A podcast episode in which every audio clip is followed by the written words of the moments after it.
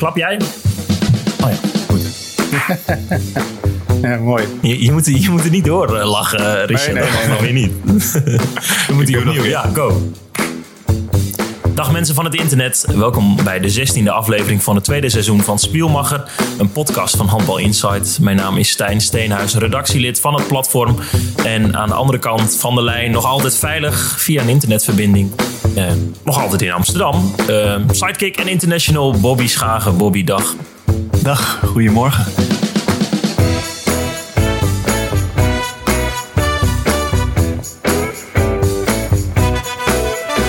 Altijd op zolder. Eh, nee, niet meer. Ik ben een verdieping Oh. lager. Ja, we, wat ik vorige keer vertelde, dat we in de verbouwing zaten, die is nu afgerond. Dus ik ben een verdiepingje lager. Op Geslaagd. zolder slaap ik nu. Kijk je dan nu eh, eh, in de ogen van je vader, Bob Schagen? Nee, die is op zijn werk. En mama is beneden aan het werk, thuiswerken. Dus ja, ik ben nog steeds op visite. Nog steeds op visite in eh, onze prachtige hoofdstad, niet in Duitsland. Ehm, z- ziet er alweer een beetje licht aan het einde van de tunnel? Eh, weet je al iets meer van de, de start van de Bundesliga? Het nieuwe Nou, seizoen? Nee, nog niet helemaal. Maar het richtpunt is dat we op 1 juli beginnen met trainen weer. Dus dat we de hele maand juni nog eh, voor onszelf moeten trainen. En ja, het is allemaal nog erg onzeker. Want ja, weten niet wanneer we wat mag. En eh, het kan ook zomaar langer duren. Maar tot nu toe wordt er op 1 juni, eh, daarmee moeten we rekening houden. Dus je kunt nog een maand lang eh, strandbezoekjes doen met je vriendin Nika en gepikt worden door meeuwen. Zo, ja, ik had... Oh, dat, dat doet nog steeds pijn. Ik kan het je wel laten zien. Of waar zit de camera hier bij mij? Mijn Ja, dat vinger ziet de is gewoon luisteraar kap- natuurlijk niet. Kapot gebeten door een meeuw. Omdat ik als een soort amateur een broodje filet américain op het strand ging eten. Op een bankje. En die kwam van achter. Ik heb echt serieus... Dat stopte niet meer met bloeden gaan. Dat is echt gevaarlijk. Je wordt een echte Hollander zo eh, in de coronacrisis. Zo leer je nog eens wat, ja. Ja, mooi. Hey, laten we heel snel eh, doorgaan eh, naar Ja. waarvoor we samen zijn gekomen. Mensen zien het al in de, de titel van de podcast. We hebben namelijk een gast. En niet zomaar iemand. We hebben te gast eh, Richard van der Made. Eh, Richard, laat eens wat van je horen.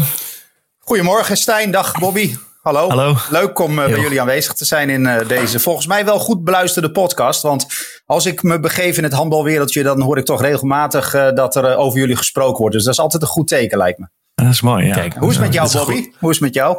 Ja, goed. Leuk dat je te gast eh, bent. Ik eh, was een beetje nerveus voor het eerst voor de podcast. Had jij dat ook, Ah, Stijn? Houd, houd toch op, man. Houd toch op. Ja, we hebben nog nooit een hele, zo'n prominente gast gehad. Met alle respect voor Tim Remer natuurlijk. Maar En ook mooi hoe de prominente gast meteen eh, de regie in het gesprek overneemt. Nee, dat, laat, jou dat, laat, dat ik aan jou, Stijn. Dat laat ik aan jou. Maar ik wil alleen maar zeggen dat, eh, dat je toch regelmatig eh, leuke, positieve verhalen hoort over eh Spielmacher. Leuke titel ook trouwens. Volgens mij gekozen omdat Bobby in, in Duitsland al zoveel jaren speelt. Hè? Ja, volgens Want ik heb wel, even toch? gekeken, Bobby, naar het lijstje clubs wat jij inmiddels versleten hebt. Maar dat is ook niet kinderachtig. Hè? Is zes, zes clubs nu in de Bundesliga op het hoogste niveau. Eh, Doormagen, Lübeck, Stuttgart, eh, Lemgo. eh, ja, en Noordhoorn was niet op het hoogste niveau. nee, was niet ja. op het hoogste niveau. Nee. Ja. Ja, Zal ik ja. anders eh tegen Hij gaan wordt ook zetten, een dagje ouder. Ik moest je nog introduceren, Richard. Want mensen horen natuurlijk aan jouw stem, die herkennen ze. Want jij bent eh, de handbalstem van eh, NOS Studio Sport. Daar ben jij als, eh, als freelancer actief, moet ik erbij vermelden. Ehm, Klopt, ehm, klopt. Hoe, hoe ziet jouw werkweek eruit? Hoe ziet de constructie eruit dat jij handbal doet voor de NOS? Eh, op dit moment is het heel overzichtelijk, want eh, alles ligt natuurlijk eh, stil door corona. Dus geen werk voor NOS. Helaas geen handbal, geen voetbal, geen NOS langs de lijn. Ik mis het zeer. Dat is toch het eerste wat dan bij mij opkomt, Stijn, als je daarna vraagt. Maar verder is het, als alles loopt, zoals dat eigenlijk al twintig jaar het geval is, is het dat ook weer vrij overzichtelijk. Want ja, ik doe eigenlijk. Het komt erop neer dat ik al twintig jaar een beetje hetzelfde doe. En dat is werken bij Omroep Gelderland in loondienst. Begonnen met 36 uur en dat is inmiddels teruggegaan naar 24 uur. NOS is in de afgelopen jaren altijd alleen maar wat meer geworden. En Gelderland ehm, is alleen maar wat minder geworden. Dus ja, die twee eh, banen combineer ik eigenlijk al vele jaren. En eh, ik probeer dan natuurlijk op het moment dat de NOS een beroep op mij doet, eh, me vrij te maken als dat dan soms wringt en botst met Omroep Gelderland, om dan eh, NOS ja, daar dan toch voor, voor te werken op dat moment. En dat gaat soms met hangen en wurgen, kan ik je vertellen. En soms zorgt dat voor enige discussie intern, maar meestal gaat het goed. Voordat we ons gaan richten op, het, op de handbalsport. Je doet ook ontzettend veel voetbal. Langs de lijn noemde je net al. Ehm, is dat magisch, radio? Ja, ik vind van wel. Maar daar kun je ook over meepraten, Stijn, toch? Dat is, eh, vind ik, misschien nog wel mooier dan televisie, omdat radio echt gaat om beleving en om sfeer creëren, het geluid soms ook laten horen. Um, mensen zien natuurlijk niets, maar je hebt daar wel een gevoel bij. Zeker als, als je in de auto zit, dan kan radio prachtig zijn. Ik heb zelf natuurlijk ook vaak naar verslagen geluisterd van bijvoorbeeld Jack van Gelder en Leo Driessen, die jaren geleden bijvoorbeeld Nederland zelf al deden. En dan, uh, dan miste ik ook wel eens een afslag, omdat ik zo in dat verhaal zat. En dan, uh, ja, dan was het zo 20, 30 kilometer omrijden. Maar ik vind radio inderdaad, je gebruikt volgens mij het goede woord, uh, magisch. Gaaf. Bobby, wanneer ben jij voor het eerst in aanraking gekomen met Richard van der Made als journalist? Um, ik denk, ja, ik was uh, net als Richard, ben ook een groot liefhebber van, uh, van radio. En wij, wij luisterden thuis altijd uh, radio langs de lijn, vooral voetbal natuurlijk. En ik denk dat ik daar Richard al van kende. En toen, toen ik zelf in de eredivisie kwam, toen, toen deed Richard daar de, het commentaar van bij de samenvattingen. Ik ben volgens mij net na Evert ten Apel dat ik zeg maar in de eredivisie ging spelen. Dus toen deed Richard het al. Maar ik kende hem denk ik al van de de graafschap vooral, toch? Was het die regionen vaak, toch? Op, op langs lijn. Wat goed dat je dat weet. Ja, nee, dat klopt. Uh, ja, ik weet. Dat, ja. uh, er was ook altijd een man die deed altijd Groningen. Die kwam een Henk, beetje daaruit. Henk uh, ja. Ja. ja, echt een prachtige stem. Ja. En uh, ja, ik luister nu nog steeds heel graag uh, sport op radio. Dus daarvan. Heb jij, um, Richard, heb jij uh, Bobby als jong broekie, als talent in de eredivisie wel eens gesproken? Kun je dat herinneren? Uh, zeker, zeker. Ik kan me niet, niet heel goed meer herinneren welke momenten dat precies waren. Maar natuurlijk, wij hebben heel veel interviews uh, gedaan. Uh, bij Volendam kan ik me ook nog wel een aantal keren herinneren.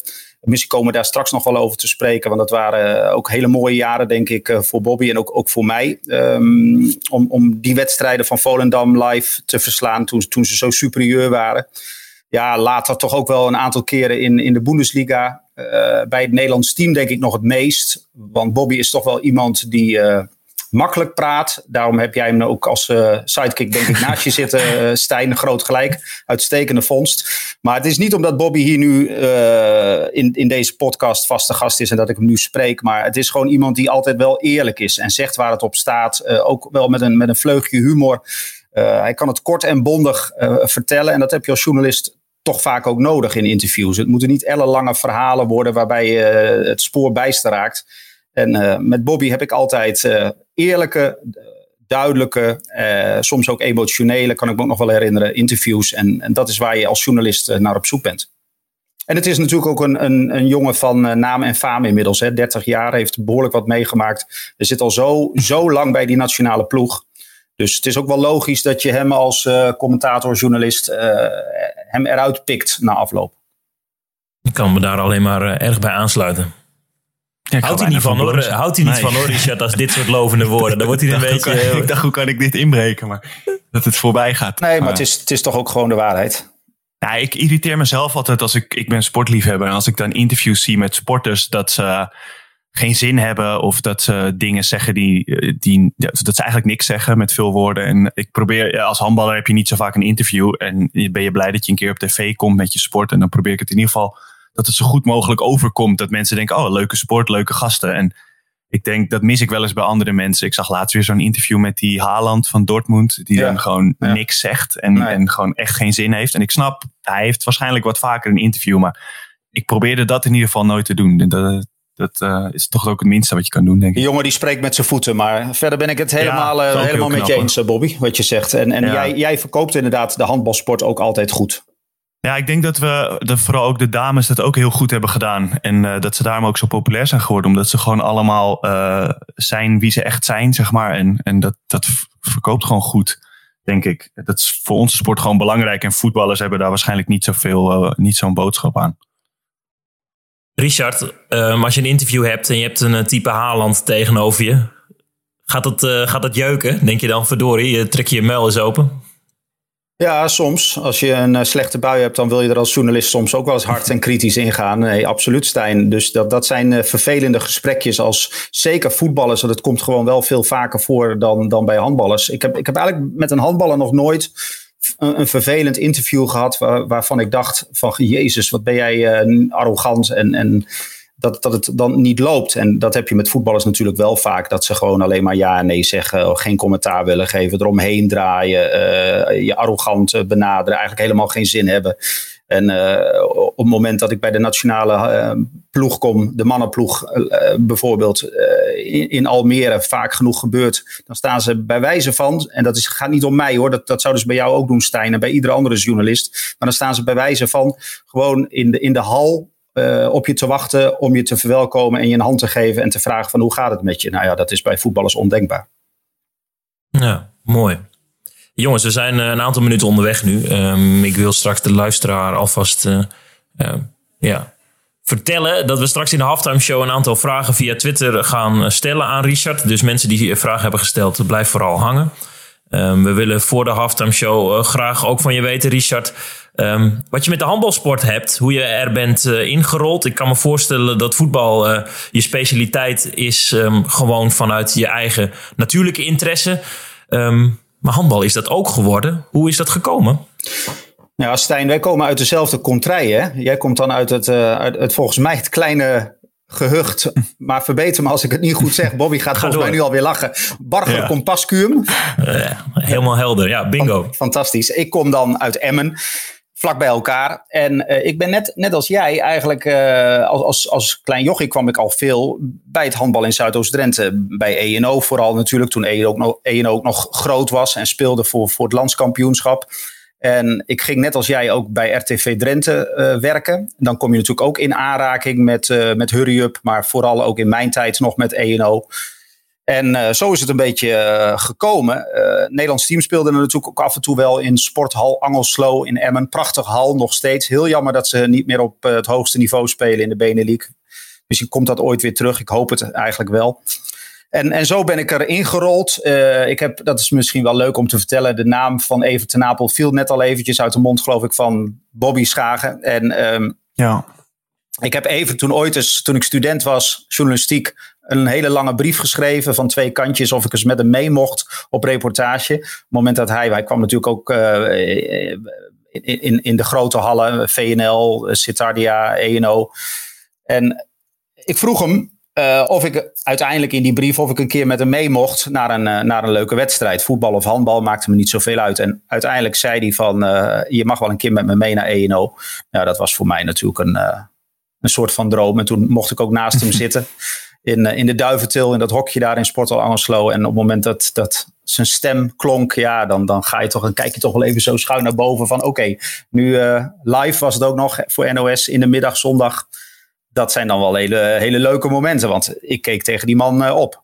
Ja. Was mij een grote voorbeeld. En het is natuurlijk dan prachtig als je de kans krijgt in 2007, 2006 ergens, mocht ik uh, dan ook op, voor televisie, op, op televisie het handbal gaan doen. Daarvoor al een aantal keren radio. Even, het ging toen langzaam wat afbouwen. Dus ja, dat zijn, dat zijn prachtige momenten natuurlijk. En uh, ja, ik vind, handbal, ik, vind, ook, ik vind handbal gewoon ook een heel mooi, mooi spelletje. Maar dat hebben we allemaal. Ja, praat je dan ook met, met Evert daarover? Van, eh, vraag je dan nog tips van ik ga je nu opvolgen, wat zijn de kneepjes? Uh, hoe, hoe, doe je dat bij handbal? Is dat heel anders? Of? Ja, ja, hij heeft altijd wel tegen mij gezegd, uh, zeker Bobby hoor, maar hij heeft altijd wel tegen mij gezegd, blijf jezelf en doe het op jouw manier. Mijn manier is, is niet heilig, maar kies je eigen pad, volg jezelf.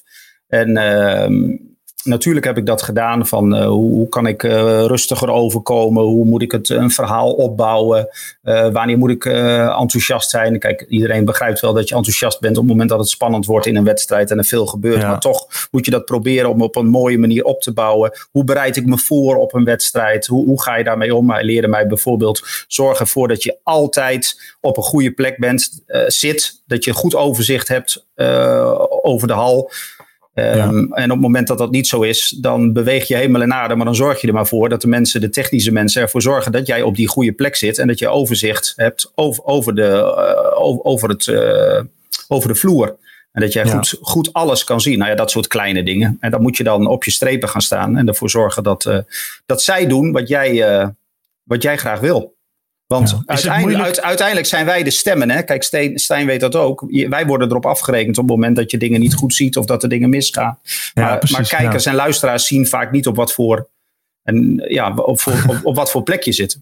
Ja, ja, is het ook moeilijk als je niet zelf. Want je hebt volgens mij nooit gehandbald, toch? Is, dat, is het moeilijk dan om commentaar te geven bij een sport die je niet zelf hebt gedaan, bijvoorbeeld? Mij lijkt het bijvoorbeeld heel moeilijk om nu uh, een basketbalwedstrijd of zo daar iets over te nou ja, zeggen. Je, je groeit daar natuurlijk langzaam wel in, maar het is altijd altijd een nadeel op het moment dat je niet zelf het spelletje op, op, op redelijk niveau eh, hebt gespeeld. Kijk, ik heb wel zelf gevoetbald. Ook niet op heel hoog niveau hoor. Maar bij, bij Emmen tot het moment dat ze betaald voetbal daar gingen spelen in 1985.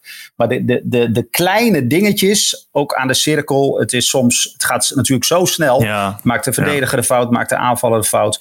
Dat is soms best wel lastig om dat in één keer te zien. Natuurlijk zie je het dan wel beter vaak in, in de slow motion. Maar je hebt vaak ook nog te maken als live commentator met hele andere dingen. Op je, dat je op je papiertje eventjes bijvoorbeeld moet turven wie uh, een tijdstraf heeft gekregen. En, en de, hoeveel tijdstraffen inmiddels uh, zijn uitgedeeld, om maar wat te noemen.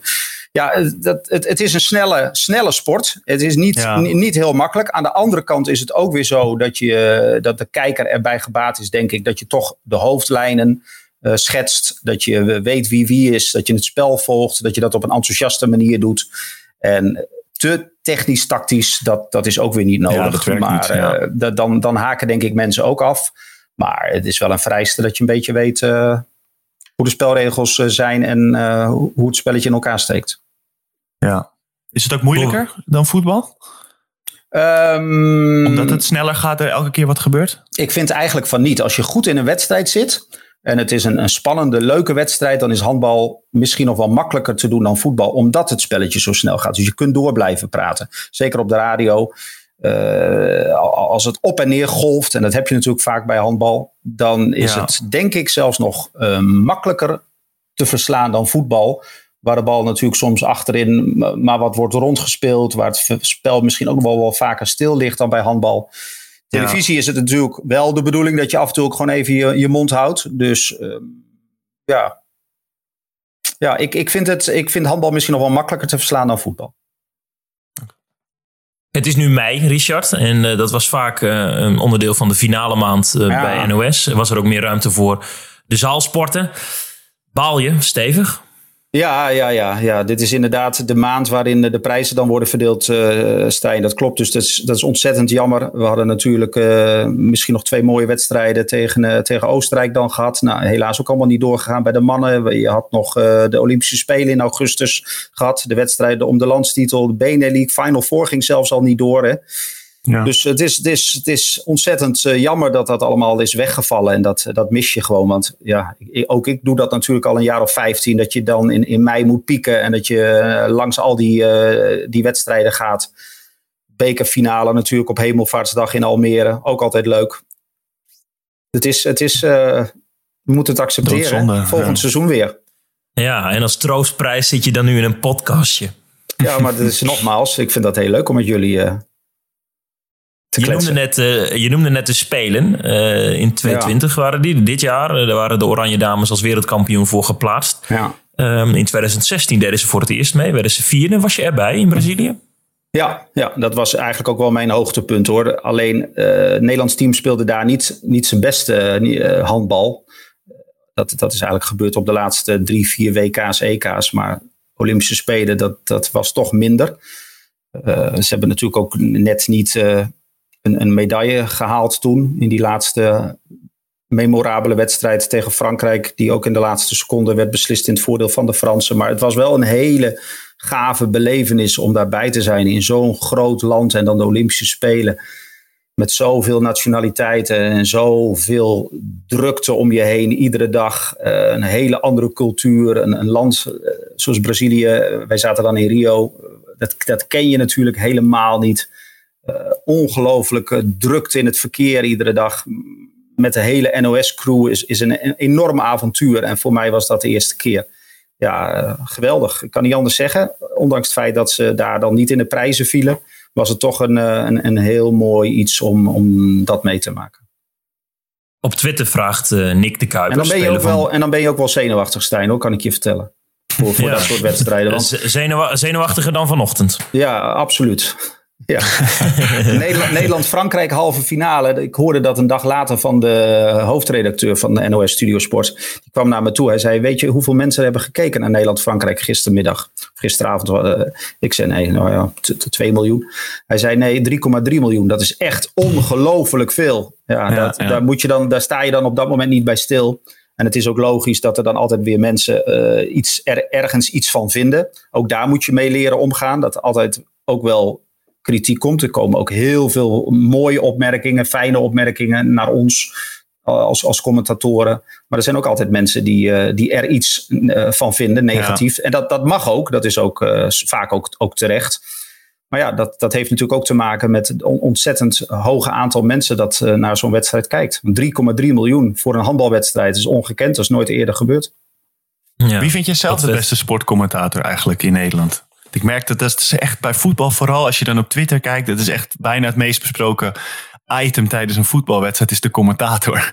Ja, en ja. je hebt natuurlijk Kamp Siert de Vos en mensen die dat helemaal niet uh, van houden. Wat, wat vind jij goed? Wie vind jij goed? Ik zou willen trouwens, Bobby, dat ik iets meer van Siert de Vos had. Want zijn humor, eh, dat is, ik ben vaak toch een wat serieuze commentator. En dat, dat vind ik dan wel weer geniaal. Soms vind ik dat hij het iets te ver doorvoert. Maar dat, dat, hij heeft ook veel verstand van, van voetbal. En hij uh, is ontzettend goed natuurlijk op de hoogte van het Spaanse voetbal. En bereidt alles heel erg goed voor. Dus ik vind dat zeker een van de, van de betere commentatoren. Even ten Abel was eigenlijk altijd uh, mijn voorbeeld. Dat, dat ik vond zijn stem geweldig.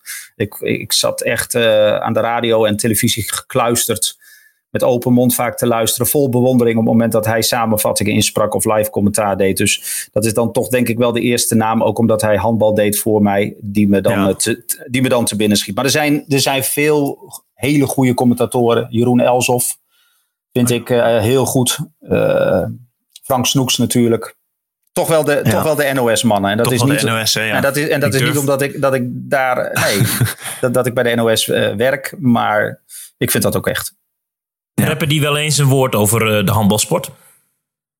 Op het moment dat uh, grote toernooien worden gespeeld, dan begint ook handbal altijd bij de NOS op de vloer in Hilversum heel erg te leven. En dan hoor je natuurlijk ook de, de, de voetbalcommentatoren, mijn chef Arno Vermeulen bijvoorbeeld. Die, uh, ja, die, dat weet ik nog wel, het WK in Japan volgde ook hij alles op de voet. En dan stuurt hij ook wel eens een appje van, goh, wat mooi wat een, wat een geweldige wedstrijden. En wat, wat doen die dames het fantastisch. Dan, dan leeft iedereen mee. En dan kom je ook uh, iedere keer weer tot de ontdekking dat uh, ook collega's van mij het een geweldige mooie sport vinden, handbal. Iedereen is dan echt laaiend enthousiast tijdens zo'n WK in december op het moment dat ze dan die wedstrijden spelen tegen Noorwegen en, en, en Rusland, die halve finale, ja, dan staan ze echt, geloof me, bij, uh, bij de NOS, staan ze allemaal uh, op de tafels mee te, mee te leven hoor. Iedereen is dan super enthousiast. Hoor je dat, Bobby? Je doet het niet alleen uh, voor papa Schagen. Nee, ja, maar dat, dat hoor je altijd. En dat merk je ook gewoon in de algemene, algehele media, ook BN'ers en zo. Mensen, als, als dat goed gaat en het komt veel op tv, dan hoor je iedereen van wat is het eigenlijk voor een gave sport. En, ja, precies. En dan merk je ook dat handbal misschien wel echt de ultieme tv-sport is, vind ik. Omdat ja, het, helemaal het, met je eens. Het is snel, je kan het wel volgen. Het is geen ijshockey dat je af en toe moet kijken waar die puck uh, nou heen gaat. Ja. En ja, je hebt gewoon, het, het duurt een uur. Weet je, het is ook niet dat het drie uur duurt. En er zit alles in. Uh, ja. Fysiek contact, snelheid, mooie acties. Um, ja. Gaat heen en weer. Vaak ook spanning. Dus uh, ja, ik snap dat wel. Maar het is wel altijd mooi om te zien, vind ik. Erg eens. Ik uh, stel voor dat we uh, het straks gaan hebben over uh, bijvoorbeeld de hoeveelheid handbal op tv. En ook over het gat waarin Ziggo Sport, mag ik dat woord noemen, Richard? Ziggo Sport. Gevoelig punt, Stijn. Ja, snap ik. Nou goed, dan gaan, we, dan, gaan we, dan gaan we eerst eventjes, als Bobby daar het ook mee eens is, richting de halftime show om wat vragen van, van luisteraars door te nemen. Richard, je hoort het nu ook. Nu is er een, een jolig muziekje, een wat rustig muziekje. Um, onder de podcast. Hij gaat heel uh, nu met zijn overal aan gedacht, Stijn, is overal aan gedacht. ja, moet hè, voor de ja. luisteraar. We laten ze niet in de steek. Misschien om, uh, om eerst eventjes um, um, een beeld te krijgen van de mens. Richard van der Made, de Halftime Show, is het segment in Spielmacher, de podcast van Handbal Insight, waar ook plaats is voor niet-handbal gerelateerde zaken, uh, Richard. Dus uh, Bobby en ik hebben het dan ook graag over onze favoriete tv-programma's. Nu zitten we in de coronacrisis. Um, je bent minder op pad dan anders. Uh, misschien doe je wel eens je tv aan. Um, ben je dan een tv-man of een Netflix-man? Uh, een tv-man. En dan nog wel redelijk ouderwets, dus gewoon lineair. Op het moment dat ik uh, zin heb om tv te kijken, ja, jullie beginnen nu allebei te lachen en ik snap dat heel goed. Ik ben inmiddels uh, 49 jaar, dus je kunt je daar misschien iets bij voorstellen dat ik nog een ouderwetse, conservatieve televisiekijker ben. En dan is dat het liefst gewoon om 7 uur Studiosport, is dan ook om 7 uur kijken. Ja, en uh, waar, waar hou ik van? Ik weet niet of je dat net vroeg, maar waar, waar kijk ik dan veel naar? Ja. Dat is, ja, om het heel actueel te houden, Stijn, is dat bijvoorbeeld nu uh, Bo. Ik, vind, ik volg dan natuurlijk vooral Oh, de ja. manier waarop hij uh, zo'n zo'n programma leidt. Als opvolger op dit moment even dan hè, van, van Jinek. Hoe hij dat doet, hoe hij zijn vragen stelt, hoe hij met zijn gasten omgaat, hoe hij overkomt op tv, zijn hele uitstraling. Ik, ik vind dat hij heel veel niet-corona onderwerpen worden op dit moment ook behandeld. Dat vind ik ook wel, wel eens een keer weer prettig. Zo ja. En uh, hij, doet dat, ik, hij doet dat heel goed. Ik, ik kijk heel graag naar, uh, naar Bo op dit moment bij RTL. Nou, dat is, uh, dat is leuk. Heb je dan ook nog een guilty pleasure? Iets dat je het liefst niet met de luisteraar deelt, maar we, we zetten je nu onder druk. Een programma dat je kijkt waar je misschien minder trots op bent, maar wel erg van geniet. Oeh. Nou, nee. Chateau Meiland. Of uh, nee. nee. Albert nee, nee, ja, een guilty pleasure, Bobby, ja. Bobby, Bobby, en ik hebben het altijd over Alberto Stegeman, undercover in Nederland. dat we daar graag naar kijken. Of Kees van der Spek, een beetje ja, ja, nou, dat ja. ja dat, dat, is toch ook helemaal niet erg. Ik uh, kijk er ook wel eens naar. Dus, uh, ik vind dat ook wel Alberto Stegeman. Ja, ik heeft altijd ruzie, hè. Maar die, die, durft, die, ja. die gaat wel tot het gaatje. Durft ja. wel uh, de grenzen op te zoeken. Ik vind het wel mooi. Als journalist moet je dat ook, hè. Grenzen opzoeken, eens. brutaal zijn. Echte guilty, guilty, gehad, toch? echte guilty pleasure heb ik niet. Wanneer heb ik ruzie? Was dat met... Uh, oh, dan moet ik even goed nadenken. Oh, zo vaak, zo vaak jongens. Nee, zo vaak. Met, met Mike Snoei, toch? Oh, ik wist dat dat toch weer naar boven zou komen. Dat, oh, ja, ja, dat. Ja. ja. of was het niet... Van ja, Vitesse, was dat niet zo? Nee, dat, nou ja, klopt helemaal wat je zegt. Ruzie valt eigenlijk nou, wel mee. Ruzie, nee, weet, maar... je, weet, je, weet je, Bobby, dat wij eigenlijk heel goed met elkaar door één deur kunnen? Mike Snoei en ik. Ja. ja. Dat, dat mensen denken, niet, inderdaad, mensen denken inderdaad dat wij uh, uh, heel slecht zijn. En dat heeft te maken met een, een botsing, aanvaring aan het begin van dit seizoen in de voorbereiding, augustus. Trainer van de graafschap is hij. Heel emotioneel op dit moment nog steeds. Want de graafschap gaat net als Cambuur, zoals jullie weten, niet naar de eredivisie rechtszaak ja. geweest. Hè. Kort geding. Uiteindelijk heeft de KNVB besluit genomen om uh, ook niet met 20 clubs te gaan spelen. Dus graafschap en Cambuur, ondanks die enorme voorsprong op de concurrentie. 11 punten Cambuur. En de graafschap 7 punten op Volendam. Blijven ze toch in de eerste divisie. Ja, daar was Snoei natuurlijk uh, uh, ja, totaal niet mee eens. Het is een hele flamboyante trainer. Iemand die zegt wat hij denkt. Uh, heel direct, een Rotterdammer. Uh, om even terug te komen op die botsing aan het begin van het seizoen. Toen, ja, wij, wij, kijken natuurlijk als journalisten wel eens naar trainingen. Dan zien we ook hoe ze gaan spelen. Graafschap ja. was één dag voor de wedstrijd tegen MVV. Twee dagen zelfs voor de wedstrijd tegen MVV. Uitwedstrijd in Maastricht. Uh, hij was eigenlijk nog maar net begonnen. Dus moest ook een beetje zijn, zijn weg vinden als trainer. En ook met ons kritische pers in, in de Achterhoek met de Gelderlander en, en Regio 8. Uh, ik dan ook vaak daarbij als, als, als verslaggever van Omroep Gelderland. En toen zag ik dat hij 11 tegen 11 aan het spelen was, dus partijspel. En ik ja. interviewde hem na afloop met mijn cameo-cameraatje uh, op, uh, aan de rand van het veld. En toen zei ik van, het lijkt erop dat je gaat spelen met die en die speler op 10 achter Ralf Seuntjens. En, dat en toen hij niet mooi. Nee, en toen zei hij van waarom gaan we dat nu alweer allemaal verklappen? En hij gaf ja. dus eigenlijk, kijk, meestal zeggen trainers gewoon van, nou ja, dat zou best wel eens kunnen dat we dat, dus een van de opties, of daar ga ik ja. nu geen, geen commentaar op, op, op geven en dat is jouw uh, visie. Misschien is het, uh, we hebben nog twee dagen. Maar Snoei voelde zich meteen aangevallen en die, uh, ja, dat leverde prachtige televisie op. Ja. Waarop hij ook zei een aantal keren van... dit vind jij leuk, hè? Nu heb jij leuke televisie. Hier geniet jij wel van, hè? Het en dat werd natuurlijk allemaal zo. gewoon op camera opgenomen. Die, die, die, ja... Nou, daar, daarop inhakend, uh, Erik Jan Koning, dat is een vaste luisteraar, die zegt op Twitter: hoe ga je om met de balans tussen uh, een kritische journalist en een verslaggever die toch afhankelijk is uh, van zijn geïnterviewde? Dat, daar hebben we het dan nu over. Mm. Want in hoeverre spreek je dan vooraf af wat je wel of niet vraagt, of doe je dat helemaal niet? Nee, doe je bijna nooit. Ik, ik in elk geval niet. Uh, ik vind dat het gewoon spontaan moet zijn. Uh, soms wordt vooraf wel eens gevraagd waar wil je het over hebben. Uh, dan, dan geef ik hoofdlijnen. maar ik hou altijd wel, als ik een, een plannetje heb, als, als interviewer moet je ook een, een plannetje vaak hebben waar je, uh, wat je wil weten, waar je op uit wil komen, wat, wat er uit moet komen uit zo'n gesprek. En dan geef je natuurlijk in een voorgesprekje niet alles meteen bloot. Dat hoeft ook niet. Uh, het is ook eerlijk. Een, een interview is, is denk ik gewoon heel rechtstreeks op radio en tv. Als je als krantenjournalist iemand interviewt, ja, dan, dan kan ik me ook wel wat meer erbij voorstellen dat je dat later nog een keer wil lezen. Want dan uh, moet je het eerst uitwerken en dan weet degene aan de overkant toch niet helemaal wat je daarmee gaat doen. Maar een radio- en tv-interview, zeker als ze live zijn natuurlijk, ja, dat is gewoon een open en eerlijk gesprek waarbij je ja, de balans inderdaad moet houden tussen toch heel kritisch zijn en aan de andere kant heel objectief. Ik, uh, ik heb ook geen voorkeur uh, voor niemand. Graafschap heeft wel een, een, een, speciaal plekje, moet ik je eerlijk zeggen, als club. Ik vind die supporters gewoon prachtig. Is dus niet Emmen, Stijn? Nee, maar de Graafschap, Graafschap heeft een, een, speciaal plekje in mijn hart. Vind ik een mooie club. Maar uh, ja, je moet, je moet als, als journalist natuurlijk wel kritisch zijn. En uh, je niet laten uh, beïnvloeden door, door nee. de tegenpartij. En dat is ook wat ze vaak natuurlijk wel willen. Ja, jou, een beetje, een heel, uh, jou een beetje sturen. Maar als interviewer ben jij degene die aan het stuur zit. Jij bepaalt de regie, jij stelt de vragen.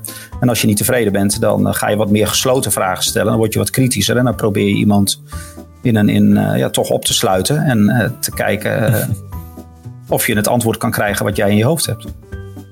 Maar het gaat uiteindelijk om de antwoorden. Het gaat niet om de stekelige vraagjes. Het gaat erom dat, dat, er, dat, dat er een mooi gesprek plaatsvindt. En dat er mooie, interessante, informatieve dingen worden gezegd. Het liefst met, met veel emotie. Dan denk ik, ik weet niet hoe jij dat zelf ziet, Stijn. Maar dan ben je, dan ben je als journalist tevreden dat er iets, iets, iets moois uitrolt. Met een kop ja. en met een staart, met veel informatie. Ja, erg eens. Bobby, heb je wel eens een interview gehad waarbij je dacht, uh, nou, uh, dit, uh, dit, dit slaat nergens op? Nee, eigenlijk niet. Ja, uh, wel, wel eens dat je denkt van dit had ik niet zo gedaan. Want uh, heel, ja, wat je heel vaak, dat had ik bij het EK had je natuurlijk, uh, voor ons hadden we wat meer interviews. En dan was op een gegeven moment had ik wel het idee van dit is wel allemaal een beetje hetzelfde. Weet je wel, iedereen mm-hmm. vraagt van willen jullie de dames achterna? Ja. En de dames dit en, de da en dan dacht ik ja, ik had dit als journalist anders gedaan. Maar ik snap uh, ik kan me er ook wel in verplaatsen. Ik snap natuurlijk dat bij het grote publiek is het gewoon zo van... oh, die mannen gaan naar het EK, de dames zijn al heel goed. Die leggen meteen die link. Dat is voor lezers waarschijnlijk goed en makkelijk. En is, ik snap het wel hoor. Het is niet dat me dat dan heel erg irriteert of zo. Maar dan denk ik gewoon, ja, ik had dit iets, iets anders gedaan. Maar ja, ik vind dat is vaak het probleem bij sporters en interview. Dat ze zich niet kunnen verplaatsen in de journalist ook zeg maar, je hoort, of dat hoor je vaak bij voetballers, die krijgen een interview terug en die hebben dan honderdduizend aanpassingen. Dan denk ik, ja, de, je moet je ook, ja, ik merk dat nu soms omdat ik vaak met jou spreek, dat de andere kant daarvan, het is ook niet heel, sommige mensen vertellen ook een verhaal waar geen touw aan vast te knopen is en je moet er toch wat van maken. Ik, ja, ik heb nog nooit heel veel dingen aangepast als ik iets terugkreeg om te lezen. Meestal, weet je, ja, je moet wel een beetje oppassen. En met voetbal is het waarschijnlijk allemaal wat wat groter en de kans is groot dat je. Ja, ja, ja, precies. Alleen ik vind dat altijd een beetje ja, overdreven of zo. Maar misschien heb ik makkelijk gepraat hoor, met twee interviews per jaar. Nee, het is interessant. Uh, belicht het van beide kanten. Ik ga door. De volgende vraag is van uh, B van R.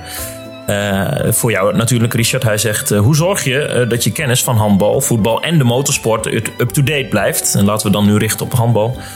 welke media volg je en welke lijstjes hou je bij? Hoe kom je aan je informatie?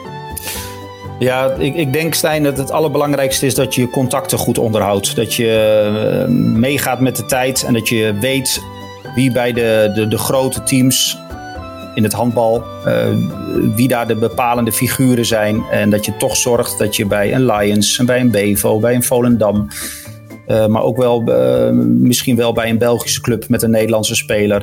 Uh, dat je daar goede contacten mee onderhoudt. En dat je ze af en toe belt. Dat je ze spreekt op het moment dat je in de hal bent. Ook voor een wedstrijd, na een wedstrijd, dat je blijft hangen. Dat is zo ontzettend belangrijk dat je netwerk goed is. Ook bij het Nederlandse team zorg ik er gewoon voor dat ik bij de, zowel bij de mannen als bij de vrouwen contact onderhoud met, met een aantal spelers. En ja, dat, dat, je, dat je zo goed weet wat er speelt in een, in een, binnen een ploeg. Eh, dat je met de, eh, met de trainer, maar ook met de technisch directeuren, dat je daar ook eh, goed contact mee, mee hebt. Ik denk dat dat het allerbelangrijkste is. Ik vind jou altijd vrij direct. Is het iets dat je geleerd hebt, dat het voor jou werkt? Gewoon op je goal af? je vindt mij direct in interviews? Nee, maar ook in, de communicatie. Je, je, draait er nooit omheen. Het is, je, je, gaat op je doel af. Hmm, ja, oké. Nou ja, eigenlijk is dat niet voor een Drent, hè? Of wel? Nee, maar de, gaat het toch altijd een beetje met omwegen? ja, maar ja, ik, ik merk altijd uh, dat, uh, dat je wel gewoon precies weet welke informatie je wil. Dus misschien heb je, heb je dat geleerd dat het voor jou het allerbest werkt. Dat, uh, dat weet ik niet zozeer. Laten we doorgaan naar, ik, naar de, volgende, ik, naar de volgende vraag. Ik, ik moest even de stekker in stopcontact doen, sorry. Ja, en toen dacht ik, ik ga, ik ga je redden. Ik ga je redden. Deze, deze toch wat, misschien wat vreemde vraag. Nou, nee, dat valt mee. Ik, ik, moet het daar misschien ook wel, wel van hebben, Stijn, hoor. Om uh, gewoon to the point te zijn, een beetje brutaal en, en direct op je doel af. Kijk, uh, voor radio en tv zijn de gesprekjes vaak ook maar kort. Soms moet je na afloop, uh, als, als ik een handbalwedstrijd heb, heb gedaan, snel naar beneden, snel een, een gesprekje doen van twee, tweeënhalve minuut. Er zit, zit druk op, want het moet snel in de uitzending. Soms is het live. Dan kun je ook niet een, een lange aanloop nemen. En dan kun je ook niet zo'n hele wedstrijd nog eens een keer gaan, gaan doornemen, wat vaak niet zo interessant is. Dan moet je gericht vragen stellen. En dan moet je meteen naar de kern van, van zo'n wedstrijd en, en naar wat jij wil weten van, zo, van iemand. Dus uh, dat, dat, dat leer je denk ik ook wel vanzelf om, om direct, direct te zijn. Die leer ik nog weer van Bobby. Goed hè? Ja, uh, schrijf je mee? Ja, maar ik hoor je, gratis, ik, gratis college. Maar ik hoor jou dat ook doen, Stijn. Dat het moet zeker. Jij, ja. jij, bent ook niet bang. Want dat is het nee, vaak dat... ook. Hè? Je moet ook niet bang zijn. Je moet gewoon huppakee uh, vragen wat je wil. Ik denk dat het voor de sporter ook veel makkelijker antwoord is. Als je gewoon een, direct een vraag krijgt. Ja. Of, of dat nou in een interview of niet. En als de sporter denk ik ook, Bob, ik weet niet, dat kun jij veel beter zeggen dan ik, uh, maar respect voelt aan de, aan de andere ja. kant. En, en, en, en dat jij ook aanvoelt uh, dat degene die jou interviewt goed voorbereid is en, en weet waar hij het over heeft. Anders dan ja, dan zijn jullie vaak ook niet zo genegen om, uh, om, om, om mooie lange antwoorden te geven die, uh, die hout snijden, toch? Ja, dat is, ook, dat is zeker zo. Als iemand gewoon, als je weet dat iemand uh, het spelletje snapt en, en weet waar hij het over heeft, dan, is dat veel, dan krijg je een veel leuker gesprek. Ik heb ook wel eens iemand van een krant aan de lijn gehad en die, dan voelde je gewoon dat diegene geen idee heeft bij welke club je speelt in het dagelijkse seizoen, zeg maar, welke positie je bent. En dan denk je op een gegeven moment ook van ja, ik, dan probeer je het nog leuk te maken om je sport te promoten, maar dan snap ik dan wordt het gewoon geen leuk, geen nee, maar daar, daar, hebben jullie als topsporters geen, geen zin in. En ik, ik begrijp dat ook wel. Jullie, ja, het is uh, gewoon jammer. jullie streven ook het hoogste na. Jullie zijn de ja. perfectionisten. Jullie bereiden die ook goed voor. Dan moeten wij als journalisten er ook voor zorgen dat we goed voorbereid zijn. Ja, ja dan krijg je de, de mooiste verhalen, denk ik. Nick de Kuiper, jongens, speler van Bevo, die vraagt: uh, wat is de meest memorabele, handbalwedstrijd die je ooit hebt uh, becommentarieerd? En in het verlengde daarvan uh, vraagt Elsa Stam wat je favoriete handbalmoment is. Misschien kunnen we die bundelen. Um, moeilijk. Er zijn zoveel mooie wedstrijden geweest. ik denk dat ik het dan toch moet houden bij wedstrijden die ik zelf live heb mogen doen. Dus niet vanuit Hilversum. Vaak verslaan wij ook wedstrijden vanuit een klein hokje, één bij één in Hilversum.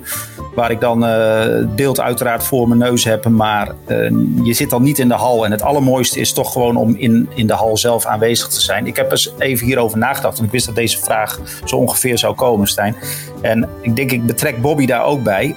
Wat ik een hele, hele mooie wedstrijd vond. En uh, het was ook een wedstrijd die wij live bij de NOS hebben gedaan. Dat was, ik heb opgeschreven, moet ik even spieken jongens hoor. Uh, Oeh, eens even kijken. Wanneer, wat, het was in elk geval, ik ben het eventjes kwijt. Het was de wedstrijd in 2008, 26 mei 2008. Hellas Volendam. Weet je nog, Bobby? Ja, voor ja, jou misschien wat pijnlijk. Bedankt. Hij verloor ja, bedankt, zegt hij. In het, in het, ja, maar dat vond ik, ik vond dat iets heel bijzonders. 5, 26 mei 2008. Hellas won twee keer in Volendam. Jij ja, was toen trouwens nog de topscorer bij Volendam. Ik heb nog even opgezocht. Je scoorde 16 van de 28 doelpunten volgens mij. Ook, Holy moly. Ik heb de juiste sidekick gekozen. Ja, yes. de, wij, wij verloren toen de eerste wedstrijd thuis. Toen wonnen we de tweede uit. En toen wonnen Klopt. zij weer bij Klopt. ons. Dat was een hele gekke fi eh, finale reeks. Ja, was Met heel... echt Ja. Ilko Overkleeft, Leo Juist. van Schie. Was Juist. echt fantastisch toen. Juist. Portengen tegen zijn oude club. Juist. En jij noemt dat tandem nu. Dat is wel leuk. Ja. Van Schie overkleeft. Nou, daar heb ik echt, Bobby, van genoten. Toen wij die Ja, wedstrijd live op tv deden. De, de, de brein, Ilko overkleeft Ja. op midden, middenopbouw. Echte architect van dat Hellas. Portengen, die jij natuurlijk ook heel goed kent. Die drie jaar op rij kampioen werd met Volendam. Toen Ja. toch wel vrij onverwacht ineens de stap maakte naar het toch kleine, kleinere Hellas. Hellas. En daar met spelers als Ilko Overkleeft, Jeroen Sebel, Ja. eh, noem ze allemaal maar op. Eh, Leo van Schie inderdaad op de cirkel. Ja, dat, dat, dat werd uiteindelijk een, een fantastische handbalmachine. En ik vond dat van vooral Peter Portengen toch een huzarenstukje. Dat hij dat voor Ja, elkaar kreeg. Voor de vierde keer op rij kampioen van, van Ja. Nederland. En eh, het, is ook vaak mooi als... Sport is mooi als het, als, als het verrassend is. En Ja. Hellas kwam toen eigenlijk uit het niets omhoog. Werd één keer kampioen. Daarna zijn ze volgens mij ook weer vrij weg, ver weggezakt. Want Portengen nam toen ook een sabbatical. Niet dat dat er nou direct mee te maken had hoor. Maar Hellas is daarna ook, ook geen kampioen van Nederland meer geworden. Nee. Maar dat, was, dat, wa- dat waren prachtige wedstrijden. Wij zonden die uit bij de NOS Live. En het was ongelooflijk spannend. Die derde wedstrijd. Volendam volgens mij niet heel dicht in de buurt geweest van Hellas. Want ze Nee, namen direct, direct Ja. een voorsprong. Maar eh, ja, dat, de finale maand. Hè, volgens mij zei je het al, Stijn. Toen deden Ja. we dat nog bij de NOS. Al die wedstrijden live op tv. Ik vond dat, eh, ik vond dat geweldig. Ja, dat was echt, ik vond dat ook echt achteraf een hele mooie finale reeks. Het was voor ons natuurlijk, eh, nou, voor Hellas was dat echt wij, of tenminste Volendam had jarenlang alles gewonnen. Ja, precies. En toen ging Portengen weg en toen kwam eigenlijk Hellas heel onverwacht. Ik weet nog, ze hadden ook een Tunesische speler, geloof ik. ja. Die verdedigde mid voor Ja, en die ja. maakte ons ook helemaal kapot toen. En eh, ja, Is, dat dan ook vooral het, het, het tactisch inzichten dat Portengen eh, misschien Ik net iets wel, meer ja. heeft dan een gemiddelde andere coach? Want hij kende, jij zegt terecht, Volendam won alles, had, had veel ervaring ook in, in die ploeg hè, met Tom Schilder en Ja. Marco Beers, goede keeper Martijn Kappel. Maar maakt een Portengen dan ook aan de voorkant, omdat hij jullie ook heel goed kende, het verschil? Ik denk, als ik erop terugkijk, dat Portengen het verschil heeft gemaakt toen. Want hij wist precies waar wij toen te pakken waren, zeg maar. Hij, hij zette die Tunesische jongen op Jasper Snijders toen. Dat was toen de beste middelbouwer van Middelbouw, Nederland. En ja. die heeft hem de hele wedstrijd, of de, alle wedstrijden lopen sarren, te lang vastgehouden, nog Ja. duwen en de hele Ja. tijd irriteren. En dat deden ze eigenlijk allemaal. En Volendam was een ploeg die jarenlang alles had gewonnen. En die waren er natuurlijk helemaal niet van gediend. Het was allemaal bloedirritant. En eh, voorin kregen ze geloof ik of Overkleef scoorde een doelpunt of Van Schie scoorde een doelpunt. Of ze kregen een penalty door die twee. En ja, het was gewoon, ze, ze, ja, ze deden het perfect toen. Die stuitballetjes ook van Overkleef naar de cirkel, die Ja, waren zo door zijn geni- eigen benen ook. Door zijn En eigen ja. benen, die waren zo geniaal. Ja. Hij was echt, volgens mij Hij was is echt hij goed toen ook gestopt. Eh, Ja. Dat was zijn Ja. laatste wedstrijd ook. Ja, Echt, het ging, eh, hij- hij ging er met rood af de laatste minuut. in stijl. Ja. Ja, ik was 14-jarig jochie. Ik heb dat op tv gezien natuurlijk. Ja? Ja. Ja. Nou ja, over, over, over, over een aantal jaren doe jij ze misschien, hè, Stijn? Dat is Ja. een eh, heel, heel ander eh, verhaal. Het, eh, als ik dichtbij Voorlopig, mag voorlopig komen, dan nog niet hoor, al- als het aan mij ligt. Maar, Hey, ik nodig je uit in deze podcast, Richard. Maak wat plaats. weet, weet je welke wedstrijden ook mooi waren? Lions Bevo. Ook, Oh, in, ja, ook in, ja. in drie duels beslist, 2014. Ook eigenlijk verrassend. Bevo onder leiding van Martin Vlijm. Eh, ook Ja. deze tijd van het jaar, 25 mei. Ik heb het nog even opgezocht, 2014. Dus inmiddels ook alweer zes jaar geleden. Stijf uitverkocht in, eh in Sittard. De Hoe is verlenging, toch? verlenging. Ja. E- eerste verlenging, geen beslissing. Tweede verlenging uiteindelijk 29, 28. Met extra tribunes overal. Volgens mij zaten er 5000 mensen. Ja, dat, is, dat waren echt hele vette wedstrijden. Ja, Die hebben wij toen ook live, live op tv gedaan. En ja, dat, dat Ja. was prachtig. Nou, toch fijn dat we in deze podcast ook een beetje eh, achteruit hebben kunnen zitten. En toch de luisteraar wat ruimte hebben eh, kunnen geven met vragen. Eh, voor de volgende podcast, want eh, dit was eh, de halftime show. Het segment in Spielmacher waar ook ruimte is voor niet handbal gerelateerde zaken. Maar ook luisteraarsvragen. Die kunnen nog altijd mailen naar bobby.handbalinsight.nl. Redactie.handbalinsight.nl Of social media. Hoogstwaarschijnlijk hebben we de volgende podcast, de 17e. Eh, geen gast. Moeten jullie het gewoon weer doen met Bobby en mijzelf. Maar voor nu gaan we eventjes door met Richard van der Maar. Richard, ehm, eindig ik ehm, dit en starten we de nieuwe, eh, de tweede helft met toch nog een laatste Twittervraag. En eh, nou, dat is denk ik wel eentje waar we heel lang op voort kunnen borduren. Die is van Eddie Bok en Eddie zegt, eh, of jij ervoor kan zorgen dat er meer handbal bij de NOS komt. en niet alleen de finale om het landskampioenschap. Want dat is natuurlijk een, een hot, hot item. Ja, ja, ik kan je heel kort en bondig al direct zeggen, daar kan ik niet voor zorgen als freelancer. Maar ik kan wel mijn best doen natuurlijk bij de mensen die daar echt over gaan binnen de NOS. Om daar een soort van lobby dat is ook weer een groot woord, maar er wel voor te pleiten dat we naar een bepaalde wedstrijd gaan. En dat we eh, inderdaad veel handbal, zoveel mogelijk, want ook ik wil graag zoveel mogelijk handbal op tv. Om daar, uh, daarvoor te vechten. Maar ja, het is, dit is niet makkelijk. Het hele medialandschap is natuurlijk ook uh, veranderd. Uh, ik, ik hoor dit soort vragen natuurlijk ook heel vaak op me afkomen. Dat mensen zeggen van bij de NOS zou veel meer handbal moeten zijn. Ik zeg dan wel heel vaak, NOS is er wel altijd bij. Kijk, misschien niet in de vorm van uh, live registratie, maar op het moment dat het gaat om iets, finale wedstrijd om het landskampioenschap, interlands bij de mannen, interlands bij de vrouwen, uh, bekerfinales. NOS is er altijd bij. Dat kun je niet altijd zeggen van bijvoorbeeld Ziggo. Dat kun je niet zeggen van alle grote landelijke kranten. ik kan mij nog goed herinneren, EK's, WK's 2010, 2000. Uh, nou, noem, het allemaal maar op. Dat, keek ik om mij heen en dan was ik in, ergens in Noorwegen. Uh, en dan, dan was ik de enige journalist die daar aanwezig was bij zo'n evenement. Ook genoeg, en dat zal Bobby beamen, genoeg interlands bij de, bij de, van de Nederlandse mannen.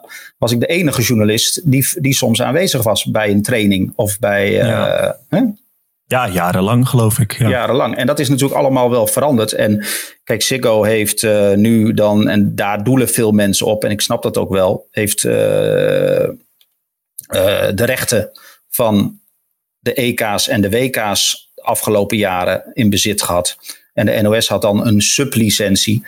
En ik kan je vertellen dat je voor elke minuut die je dan bij de NOS uitzendt van een, een wedstrijd flink moet betalen. NOS heeft uh, natuurlijk ook geboden, maar Ziggo heeft waarschijnlijk meer geld geboden en uh, heeft ook flinke diepe zakken. Ze hebben ook niet voor niets de Formule 1. En dat is een continue strijd die, die wordt gevoerd achter de schermen allemaal. Want ik weet daar het fijn ook niet van. Dat zijn keiharde gevechten voor die, voor die, uh, voor die rechten. Hoe werkt dat eigenlijk achter de schermen met bijvoorbeeld uh, samenvattingen van eredivisiewedstrijden? Hoe wordt dat bepaald? Dat van, want soms heb je, laatst was bijvoorbeeld in één keer was Lions Tongeren uit mijn hoofd, was live op tv. Ja. Hoe, eigenlijk een soort van uit het niets kwam in één keer een benelink Hoe, hoe, hoe gaat ja. zoiets? Wie, wie zegt dan van, we hebben daar een gaatje, we gaan handbal doen? Nou ja, er zijn mensen die daar inderdaad over gaan en die beslissen van hoe wordt het weekend ingericht, wat gaan we doen. En jij zegt terecht wel, uh, dan is er een gaatje. En daar komt het soms met handbal wel op neer. Op het moment dat er. Uh, kijk, NOS heeft jarenlang al het schaatsen. Daar wordt ook heel vaak over, over gediscussieerd van waarom steeds maar dat schaatsen en waarom geen handbal. Af en toe is er wel eens een uitzondering, maar ik ben het met jullie eens dat. dat dat, dat hoef je ook niet tegen te spreken. Er is wel heel veel schaatsen bij de NOS op tv. Maar het schaatsen scoort ook ontzettend goed. Er wordt heel veel naar gekeken. Schaatsen past, vinden ze bij de NOS. En ik denk dat het absoluut waar is. Past ook bij de NOS. Uh, Ziggo heeft uh, sinds 2015 het handbal uh, gekocht. En, en ja, dat soort um, sporten horen dan ineens ook bij, bij, een, bij, een, bij een omroep als Ziggo. Dus het is, het is ja. een beetje, beetje, beetje lastig. NOS wil het heel graag uitzenden en wil overal graag bij zijn, maar het, het kan niet. En, en, en, jij hebt dan de, de, de sneeuw getrotseerd in Noorwegen in 2000 uh, zoveel. En jij was ja. de enige die daar was. En in 2015 heeft Ziggo handbal overgenomen. Met uh, Raymond Koning als uh, stem daarvan. Ja. En dan worden ze zomaar wereldkampioen. Pakken ze medailles. doet dat zeer? Ja, ze zijn met de neus in de boter gevallen natuurlijk. Hè? Ziggo, inderdaad. 2015. En Nederlands, als, als een komeet gingen ze ineens omhoog. Het jaar daarvoor werden ze geloof ik op het EK in wat was het? Ergens in het, in het, in het, in het oosten, Kroatië, volgens mij werden ze nog zevende. En uh, vervolgens stonden ze tegen Noorwegen in, in de finale in, in Denemarken. En daar heeft Sikko ook wel wat geluk mee gehad. En natuurlijk ja. doet dat op dat moment, dat ga ik niet ontkennen, natuurlijk doet dat zeer. Want ja, ik was er vaak als, als een van de weinige journalisten bij. Je, je staat vooraan. Uh, wij hadden het, het alleenrecht, een soort van monopoliepositie. En dan komt Ziggo komt daarbij, die kopen dan de rechten. En die uh, spelen dan op dat moment ineens de eerste viool en zenden al die wedstrijden live uit. En jij had het liefst dat ook gedaan. Dus uh, dat, dat, dat, is, dat is pijnlijk. Ik heb ook wel een gesprek gehad met Ziggo. Op het moment dat zij net kwamen om daar aan het werk te gaan. Maar ik heb uiteindelijk gekozen, ook, ook vanwege het voetballen. En omdat ik me ontzettend thuis voel bij de NOS. Om daar toch te blijven. En daar heb ik geen moment spijt van gehad. En de, Olympi de Olympische Spelen hadden we natuurlijk wel, hè, Stijn. En dat was ook altijd mijn grote droom om eens uh, een keer een Olympische Spelen mee te maken. En no nog steeds, want als je dat eenmaal hebt meegemaakt, dan wil je alleen nog maar vaker daarbij zijn. Kan het handbal zelf ook iets beter doen om wat vaker op tv te komen? Of, of, uh, goeie, goeie vraag. Goeie vraag. Dat vraag ik me wel eens af. Van hoe kunnen we er zelf voor zorgen dat, dat mensen bij de media ook gaan denken van oh, we, we kunnen echt niet eromheen, zeg maar. Er ligt zeker een rol weggelegd voor uh, mensen binnen de handbalbond, het NAV, om uh, gesprekken te voeren, denk ik, met uh, de beleidsbepalers, de hoofdredacteuren van, van de NOS. Dat gebeurt ook, kan ik jullie melden. En natuurlijk, kijk, zo'n WK in Japan, als Nederland dan wereldkampioen wordt, natuurlijk baalt iedereen bij de NOS op dat moment dat Ziggo die wedstrijd live uitzendt en dat wij dat dan niet kunnen. Want ik kan je vertellen, kijk, daar zijn natuurlijk allemaal afspraken over gemaakt. Je moet echt grof geld betalen voor elke minuut die wij dan, dan moeten uitzenden. Kijkers weten dat vaak niet. En uh, ja, Natuurlijk, is, natuurlijk valt daar veel te winnen. Ik denk ook dat, kijk, NAV is blij met Ziggo, logisch. Want de wedstrijden worden allemaal live uitgezonden. Ik denk dat ze daar heel tevreden mee moeten zijn, wat er gebeurt. En ik denk ook dat Ziggo het op een hele goede, professionele, professionele manier doet. Uh, NOS laveert er dan wat omheen, maakt samenvattingen, is, is ter plekke ook aanwezig. Wij waren met Hancock als enige in Japan een lange tijd uh, aanwezig. was volgens mij nog één of twee andere, één of twee andere journalisten waren erbij. Kijk, dan maken wij daar ook onderwerpjes uh, rondom die ploeg. Reportages. Dus beter kan de, het NAV en beter kan het handbal het op dat moment denk ik ook niet krijgen. Maar ik denk wel dat het, dat het voor het handbal en ook voor het NAV het mooiste zou zijn als toch wat meer wedstrijden weer live bij de NOS te zien zouden zijn. Zeker nu in deze hoogtijdagen van, uh, van het Nederlandse uh, vrouwenteam. Ja. Want het ja, voordeel is, daarvan is, is dat het openbaar is natuurlijk. Ja, dat iedereen, dat, dat, iedereen het, dat, dat bedoel ik inderdaad, Stijn. Daar gaat het om. Het is niet dat, dat Raymond uh, commentaar doet of, of dat ik het commentaar doe. Daar gaat het niet om. Het gaat er inderdaad om dat het dan toegankelijk is voor, uh, voor, voor iedereen. En niet voor een beperkt publiek dat alleen maar eh, beschikking heeft over Ziggo. En gesprekken binnen eh, de NOS met mensen van het NAV uh, helpen daarbij, ben ik, ben ik van overtuigd. En, uh, verder kan ik daar ook niet zo heel veel zeggen, omdat ik daarbij niet aan tafel zit. Ja. Mooi dat ik, probeer, ik, probeer, ik probeer soms wel mensen tot elkaar te brengen. Maar ook, ook, ook ja, dat gaat, uh, gaat gaat niet ver. Ik moet daar, ik moet daar denk ik ook niet te, te dichtbij komen. Dat is niet waar ik, uh, waar ik voor ben. Nee. Mooi dat het gesprek gevoerd wordt met drie mensen, twee journalisten en één sporter. En dat de topsporter de beste vraag van de podcast stelt. Hij, stelt zeker een goede vraag, want uh, ja, daar, daar, je, je, moet met elkaar in gesprek uh, zijn en blijven. En op die manier kom je denk ik tot dingen. Ja, en, tot af, en, tot afspraken. Maar goed, aan de andere kant speelt ook het EHF hier een belangrijke rol in, jongens. We hebben het net gehad over die, die rechten. Dat zijn live pakketten vaak. Ziggo heeft een sportzender. Die kunnen dat veel makkelijker uitzenden dan een ingewikkelde uh, programmering die er toch is bij de NOS. Een wedstrijd op dinsdagmiddag om drie uur tegen Cameroen zal NOS toch niet zo snel gaan uitzenden. En Ziggo gooit het net open en uh, die zeggen van kijk, uh, dames en heren, jullie kunnen deze wedstrijd nu gaan bekijken. Dus dat, dat, dat, is, toch allemaal, uh, is toch allemaal een beetje moeilijk met elkaar te vergelijken. Ja. Vind je het dan wel eens lastig dat je je daar altijd uh, tegen moet verdedigen? In het begin wel. En nu uh, heb ik het ook gewoon geaccepteerd. Want het is inmiddels al vijf jaar dat, dat Ziggo die live rechten heeft van EK's, WK's. het is niet anders. Ehm, dan had ik naar Ziggo moeten overstappen. Dat heb ik niet gedaan. En ik accepteer het nu, maar ik vind het wel jammer.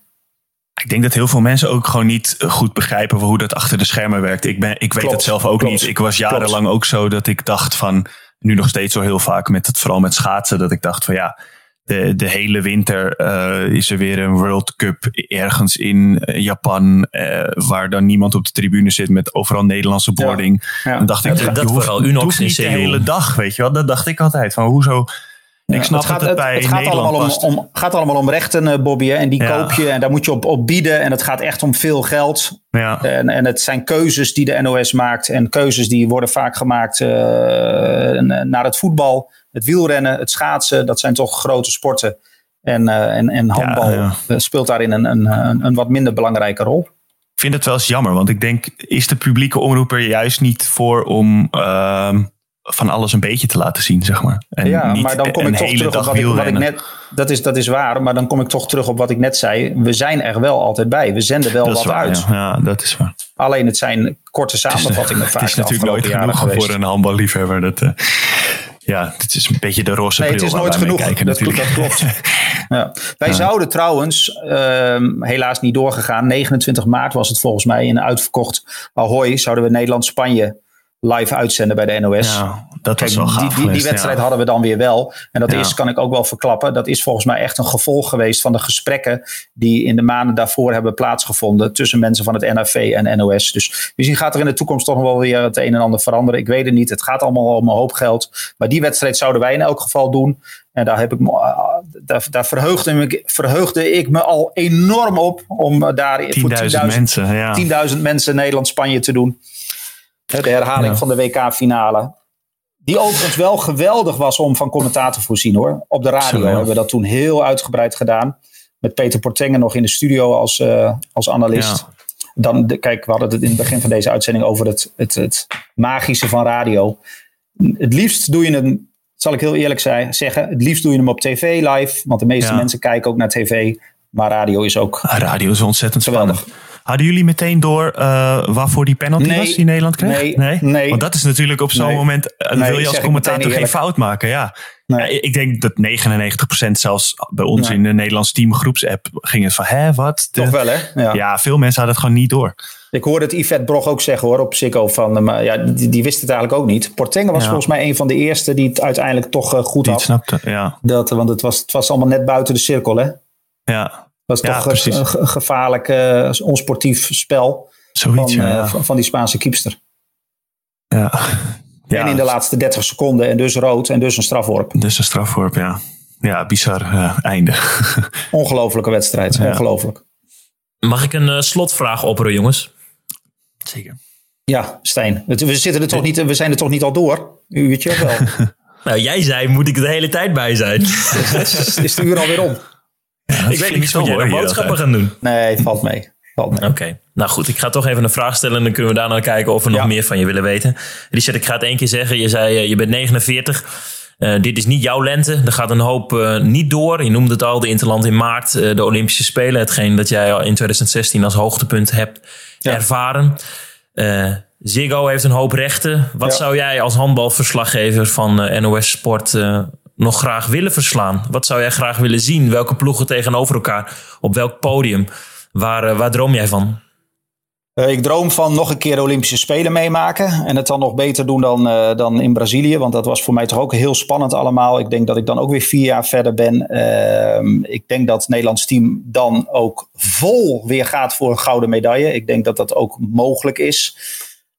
als je ziet hoe goed Polman, Abbing, waren. Ik kan er nog wel veel meer noemen op het WK in, in, in Japan.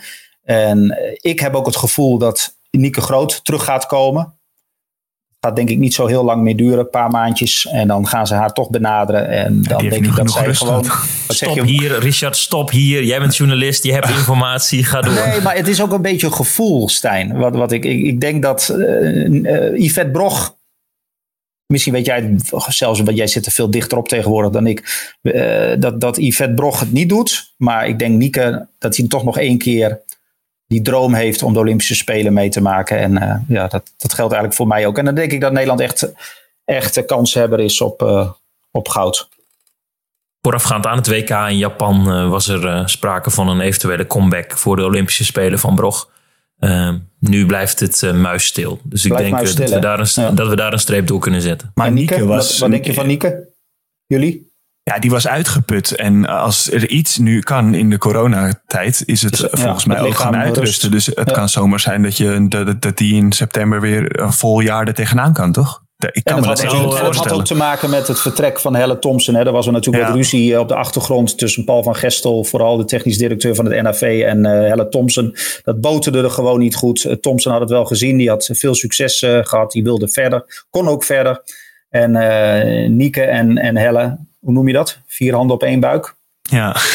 dat, was, dat was echt overduidelijk. Maar Nieke ja. zal toch nog wel zoveel eer, gevoel en, en revanchegevoelens hebben in haar lijf. En ze is zo goed nog steeds. Als zij daar toch op, op middenopbouw in Tokio komende zomer, volgend jaar, staat. Ja. Met links Abbing en rechts Laura van der Heijden. Wat zeg je? Polman op de bank. En dan, nou ja, inderdaad. Dat is ook al. Puzzelen, terwijl, terwijl, terwijl ik het zei, dacht ik van, wat zeg ik nu? Ja. Maar dat, dat is gewoon veel, veel, toch daar veel kunnen doorwisselen. doorwisselen. Ja. ja, maar dat is toch een geweldige opbouwrij. Ja. Ja. Het mooie is, de luisteraar kan dit niet zien, maar Richard van der Made gaat hier een beetje van glimmen zelfs. Ja, Goud maar dat, ook, ja. ja. Ik hoop het dat, dat, dat we dat gaan meemaken nog een keer, Stijn. Hey, en die spelen, die, die mogen gewoon op, op de NOS. Geen getouwtrek, dat is gewoon uh, is knip en klaar. Die horen gewoon bij ons. Oké, okay. dus uh, laten we de situatie schetsen. Tokio 2021, Olympische Spelen. Nieke Groot is teruggekeerd. En uh, Richard van der Made in de Duiventil in, in Rio te horen in, nou laten we zeggen, 4 miljoen huiskamers in de finale tegen, tegen wie? Bobby? Tegen wie gaan we spelen? Tegen wie pakken we Olympisch goud? Dan pakken we Frankrijk terug voor uh, Rio. Ja, heel goed, Bobby. Heel goed. Gaat die paal erin, de laatste. Ja, via de paal, nu ja. wel binnen. Maar ook mooi voor Lois Abbing, hè? hebben jullie daar ook wel vaak aan gedacht? Dat zij dat toen de bal winnen, uh, ja. net hè, op de binnenkant van de paal schoot eruit. En uh, ook op datzelfde toernooi in, in Rio nog, nog een... Uh, wat, ik ben het alweer kwijt, maar ook nog een, een strafschop, strafworp een keer miste in een, in een belangrijke wedstrijd. Maar zij schoot natuurlijk toen ook die laatste bal. En Ja. dat, ze, dat ze vervolgens dan de, de, de, in, in de laatste seconde die strafworp benut tegen Spanje in de WK-finale in Japan. Ze heeft Ja. mij ooit eens gezegd van, ooit zal het geluk eens een keer mijn kant opvallen. Nou ja, dat is nu gelukkig. Het heeft een aantal jaren geduurd. Want ze heeft natuurlijk te maken gehad met heel veel ja. kruisbandblessures, heel veel pech. Ja. En nu, eh, ja, dat vind ik wel mooi. Het is, het is eh, doorzetten, doorzetten, niet opgeven. ja, dat En zijn mooie blijven geloven. verhalen. Ja. Dat, eh, alleen daarom zou handbal al vaker eh, op tv moeten komen. Voor dit Maar soort ik baal verhalen. ook wel enorm. Eh, jullie hebben het daar volgens mij ook al over gehad, eh, Bobby. Dat jullie niet eh, een kans maken. Want die kans was er natuurlijk tegen Oostenrijk geweest. Dat dat, Ja. is, dat, dat is weggehaald. En geen WK 2021 januari. Ja, zeker. Ja. ik vind, eigenlijk, ik vind het eigenlijk gewoon belachelijk dat, dat, dat ze daar niet wat langer gewacht hebben. Ja, ik ook. Want ik heb steeds meer het idee dat die wedstrijd ergens wel nog gespeeld had kunnen worden in de komende drie kwart jaar. Maar ja, goed. oktober, november, waar- waarom niet? Ja, dat Stijn? vinden we allemaal. Ja. Wat vind jij? Erg eens. Ja, de timing is, eh, is heel bijzonder voor het eh, doorhakken van zo'n knoop. Ja. ja, vooral de timing dat je, hem, dat je dat beslist voordat de wedstrijd oorspronkelijk gespeeld had moeten worden. De- het is gewoon nog eerder dan normaal. Ja, ik vind dat heel Worden, jullie dan tegengehouden weer in jullie, in jullie ontwikkeling, vind je? Word je dan weer een stap terug wel, eh, ja. geworpen? Als je ziet, zo'n EK, dat was zo'n zo'n happening en zo'n leermoment voor ons. En als je dan een WK ook nog daaraan toe zou kunnen voegen. Ik denk dat we dat het zulke dingen moet je, moet je spelen om aan te haken. Om net dat stapje te maken. In goede lotingen terecht te komen. Ja. Ja, en dat is, is nu weer gewoon een jaar wachten. Ja, het is gewoon jammer. J- Jij hebt dat geduld nog, een aantal jaren. Je gaat nog door. Ja, voor mij is het natuurlijk, eh, die jongens die allemaal 24 zijn, is natuurlijk nog, eh, is het minder erg. Maar ik ben inmiddels al 30. Maar goed, met handbal kan je nog wel. Ik ben fit, dus eh, ik hoop dat ik nog al een paar jaar door kan. Ja, ik hoop het ook voor je. Ja, ja. Deze vraag heb ik nooit durven stellen, Richard. Goed dat jij dat wel doet. Tot, tot zijn 334ste zal die, zal die toch zeker door kunnen en willen. Ik hoop nog wel wat langer eigenlijk. Ik, zit er Ja, ik laatst Ja. stopte Sigurdsson, die IJslander, en die is net 40 geworden. Dus eh, Ja, maar jij geniet Ja. echt van het topsportleven. ja, ik eh, besef ook wel in deze tijden nog meer eh, wat voor voorrecht het is en wa- wat je ook mist, zeg maar. Hm. Gewoon aan dagelijkse routine. Ik, eh, ja. Maar goed, komt wel goed. Jongens, het is lunchtijd. We weten een hele hoop van Richard van der Made als professional. Wat staat er straks op het menu, uh, Richard? Zijn dat uh, gewone broodjes of uh, pak je uit op deze middag? Nee, hoor, heel simpel, Stijn. Gewoon een kopje soep, een broodje. Ga even wat boodschappen doen. Ik ga straks nog even langs bij iemand die ik ken van Vitesse. 83 jaar is die man, woont in een geweldig huis. Ik zou het bijna kasteel willen noemen, in Velp, vlakbij Arnhem. En die nodigde mij gisteravond uit. Die moest even zijn gal spuwen over Edward Sturing. Omdat Edward Sturing gisteren te horen kreeg dat hij geen hoofdtrainer meer zal blijven van Vitesse. Dat er iemand anders wordt gezocht. Uh, dat is Jan Snellenburg. Die uh, ken je heel misschien wel. Vrienden van Vitesse. Heeft de club met privégeld een aantal keren gered van een faillissement. En uh, is nog steeds op de achtergrond betrokken bij, bij die club. En ik ga even bij hem op visite. We gaan in de tuin zitten, anderhalve meter afstand. En misschien dat hij wat luxere broodjes heeft voor mij dan ik zelf hier in huis heb. Heel goed. Ik, ja, ik ga uh, scrambled eggs eten, gemaakt door mijn vriendin. En dan gaan we lekker nog een, uh, een aflevering uh, Vampire Diaries kijken. Jij, Bobby Schagen? Um, ik denk dat ik straks de, de Michael Jackson docu af ga kijken, The Last Dance. Daar zat ik gisteren nog tot laat in en ik, die wil ik echt nu afzien. Je komt je dagen wel een beetje door, Bobby? Ja, ik moet zeggen, ik had het in het begin vond ik het lastig, omdat je gewoon geen doel hebt op een dag. En ik ben mhm. daar nu wel een beetje aan gewend en ik probeer gewoon dingen af te spreken met van om tien uur trainen. En gelukkig is mijn vriendin ook topsporter. Dus dat, is, uh, maakt het iets makkelijker qua trainen en fit blijven. Oké. Ja, maar het is wel saai hoor. Moet ik eerlijk zeggen. Ja, ja. Ik, ja. ja goed. Het zal voor jullie niet anders zijn met weinig sportnieuws. Klopt. Dank uh, Stijn dat ik uh, te gast mocht zijn. En dank Bobby ook. Want je hoort ook natuurlijk uh, Jij heel erg bedankt. bij deze podcast. Leuk. Ik vond het uh, enorm interessant, uh, Richard, om te horen uh, waar je bent begonnen en waar je nu staat en waar je nog heen wilt in dit mooie vak. En we zijn, denk ik, mag ik namens alle luisteraars van Spielmacher en ook Bobby spreken, dat het fijn is dat je zo'n mooi plekje in je hart hebt voor de handbalsport. Absoluut. Dankjewel. De finishlijn is bereikt, jongens. Uh, ik wil graag de luisteraar bedanken voor het luisteren naar de 16e aflevering in het tweede seizoen van Spielmacher. Een podcast van Handball Insight. Heb je nou luisteraarsvragen? Stuur dat vooral door naar bobby.handballinsight.nl of redactie.handballinsight.nl.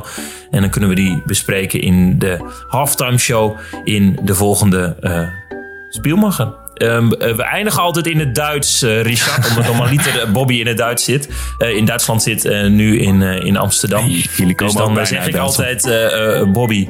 Wiedersehen. Tschüss. Tschüss. Ja, goed. Ja.